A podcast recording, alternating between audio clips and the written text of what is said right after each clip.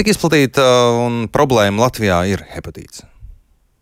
Latvijā problēma ir pietiekami nopietna tieši tāpat kā visā pasaulē, bet uh, nopietnākā lieta ir tā, ka lielākā daļa cilvēku, kur dzīvo ar he C hepatītu, nemaz par to nezina. Pēc pētījumiem tiek lēsts, ka kādi 4% Latvijas iedzīvotāji varētu būt inficēti. Diemžēl lielākā daļa no viņiem pat uh, šo patreiz nezina. Un kas būtu jādara, lai šie cilvēki uzzinātu, saprastu un attiecīgi varētu rīkoties? Kaut kam jāmainās veselības aprūpē. Uh, Pasaules veselības organizācijas ieteiktais uh, izskaust C hepatīta mehānismus, kā mēs to varētu izdarīt, ir maksimāli paplašināt uh, testēšanu, respektīvi, jo vairāk cilvēku uzzinās par šo inficēšanos, jo lielākā, lielākas cerības arī mums sasniegt pasaules veselības mērķi 2030. gadā atbrīvoties no šī vīrusa vispār. Par to mums ļauj domāt ļoti veiksmīgi medikamenti, kuri jau vairākus gadus ir pieejami nešaubīgi arī Latvijā, bet ceļš līdz ārstam ir saistīts ar, ar, ar, testēšanu, ar to, vai cilvēks uzzina par C hepatītu saulēcīgi. Pirms viņam vēl ir uh, radušās neatgriezniskas saknes slimības pazīmes. Respektīvi, mūsu mērķis ir mudināt ģimenes ārstu un arī pašus cilvēkus maksimāli veikt testēšanu, un būtībā jau šī analīze ir lēta un, un dažās pozīcijās ir pieejama pat pēc maksas.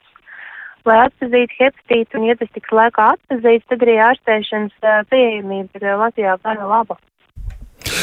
Cik bieži, piemēram, būtu ieteicams cilvēkam pārbaudīties, vai viņš ir vesels un vai C hepatīts nav iedzīvojies organismā?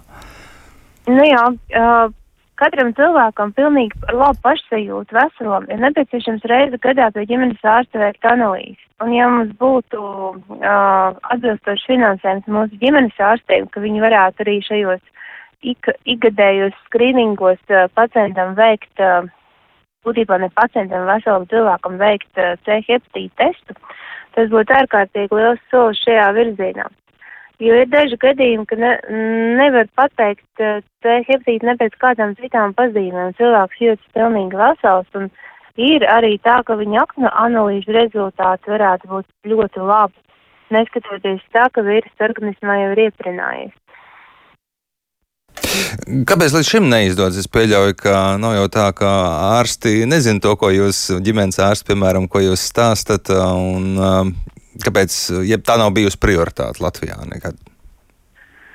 Uh, es man kā infektologam skatoties no savas puses, uh, šķiet, ka tā ir daudzus gadus mūsu prioritāte, un, uh, ja vēsturiski bija periods, kad nebija iespējams saņemt adekvātu ārstēšanu, bet arī nekur pasaulē tās zāles nebija izgudrots, tad uh, jau kopš 2000. 2015. 14. gada šī speciālā ārstēšana, kas ir ārkārtīgi viegla, Latvijā ir viegli pieejama, un tieši tāpēc ir jautājums, kāpēc mēs nevarētu tikt galā ar šo vīrusu. Es domāju, ka truciņa nav tā, ka nav prioritāte, bet mazliet jāmaina, jāmaina tas ceļš līdz speciālistam, ceļš līdz ārstam, speciālistam, infektologam.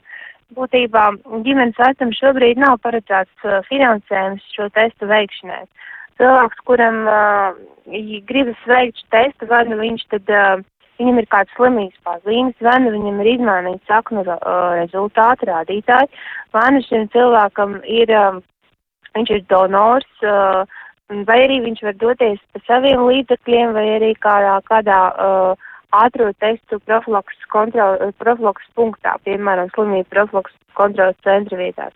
Bet tas mehānisms ir mazliet sarežģītāks, līdz ar to būtu pietiekami jauki un ērti un, un, un pacientam draudzīgi, ja viņš ikgadējās analīzēs pie savu ģimenes āršu testu varētu viegli izdarīt. Un tieši tas ir šī gada galvenais uh, uzdevums mums sabiedrībai maksimāli pateikt, ka varbūt ir jāiet šis tests šogad.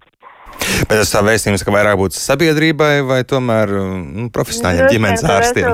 Ministrijai, profesionāļiem un arī ģimenes ārstiem. Ģimenes ārsti ļoti labi zina šo problēmu. Lieta tāda, ka vienīgi nav pieejams uh, finansējums šim jautājumam.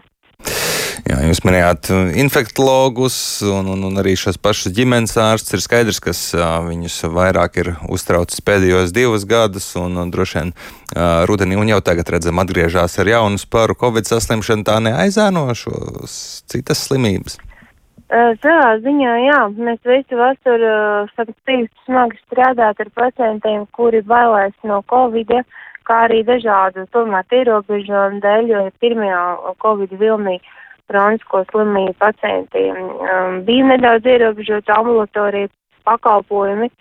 Uh, tā ir, tā ir cilvēks uh, atrodas mājās, uh, viņš cenšas ievērot mūsu ieteikumus, um, mazāk saistīties, mazāk komunicēt ar citiem cilvēkiem, neapmeklēt sabiedriskas vietas, un tos diemžēl, arī liela daļa pacientu, kuri bez Covid pandēmijas laikā būtu devušies pie ārsta un profilaktiski veikuši dažādas analīzes, to nebija šogad un arī pagājuši gadu darījuši. Un tagad, kad ir salīdzinoši mierīgs periods, tomēr mēs redzam, kā Covid saslimstība aug. Ļoti daudz pacientu meklē ārstu un cenšas pārbaudīties citām slimībām, tostarp arī uz C hepatītu. Jūs minējāt, ka veselības profesionāļiem varbūt vajadzētu nodrošināt to, ka var testēt cilvēkus un var, ir brīva piekļuva šādiem C hepatīta pārbaudēm. Ir vēl kas, ko vajadzētu valstiskā līmenī darīt? Um, Grūti iespildēt, patreiz ir ļoti laba situācija, jo tas pacients, kurš ir nonācis līdz tam speciālistam infektologam, viņam gan uh, ambulatorija apmeklējumi pie ārsta, gan ārstēšana pilnībā apmaksā valsts. Tas nozīmē 100% kompensāciju pacientam, kurš pie infektologa ir nokļuvis ar ģimenes ārstu nosūtījumu. Uh, nav pat šī zināmā pacienta iemaksa 4 eiro, viņam tā iemaksa ir nulle. Bet uh, mehānisms varētu būt vēl vieglāks, ka infektologs būtu tiešās pieejamības ārsts, respektīvi pacients, kurš kaut kur ir veicis ekspres testu vai donors bijis un viņam uzzinājis, ka viņam ir kāda no asins uh, transmisīvām slimībām, uh, respektīvi C, B, hepatīts vai, vai pat HIV infekcija. Šis pacients varētu pat aizno, kā saka, nokļūt pie infektologa, neapgrūtinot ģimenes ārstu ar nosūtījumu prasīšanu, kur atkal nereti ir jāgāda rinda, jo tas ir plānveida nosūtījums. Respektīvi, mehānisms un ceļš varētu būt pat vēl vieglāks, lai pacients tiktu pie ārsta ātri. Jūs pārsvarājat par tādām apzinīgām sabiedrības uh, grupām, bet parasti runājot par hepatītu, tā asociācija ir vairāk ar um, sabiedrības grupām, kuras nav tik apzinīgas. Uh, vai redzat, ka arī šajā jomā būtu kaut kas jādara, varbūt piespiedu kārtā?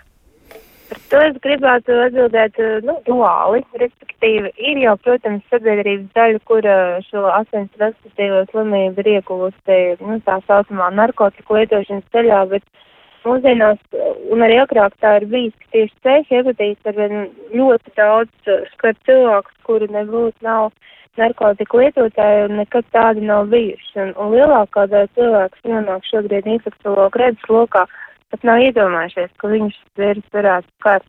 Ja viņi nepieder ne pie kādas riska grupas, nav nekad bijuši narkomāni, tos tad arī nav veselības aprūpas darbinieki un nekādas savārnumi nav notikuši. Teorētiski mēs pieļaujam, varētu būt noticis uh, vai tetovēšanas salonā vai uh, uh, arī medicīnas pusē, kādā medicīniskas manipulācijas veikšanas laikā, jo vīrus tur ļoti līdzīgs.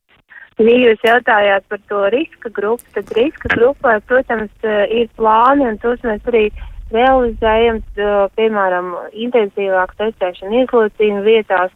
Uh, viņa ir izveidota tā saucamie anonīmie paškontrolas punkti, kur cilvēks var aiziet un uh, bez maksas veikt uh, tā saucamo ātro testu. Uh, tādi saucamie profilaks punkti arī, arī Rīgā un, un, un citur Latvijā. Tā kā ir. šī sistēma darbojas. Lielas paldies jums par sarunu. Šajā Jā. brīdī mums jādod laiks jaunākajām ziņām. Dzirdējāt gastroenteroloģijas nodaļas vadītāju asociētu profesoru Indru Zeltiņu. Ar mums sarunājamies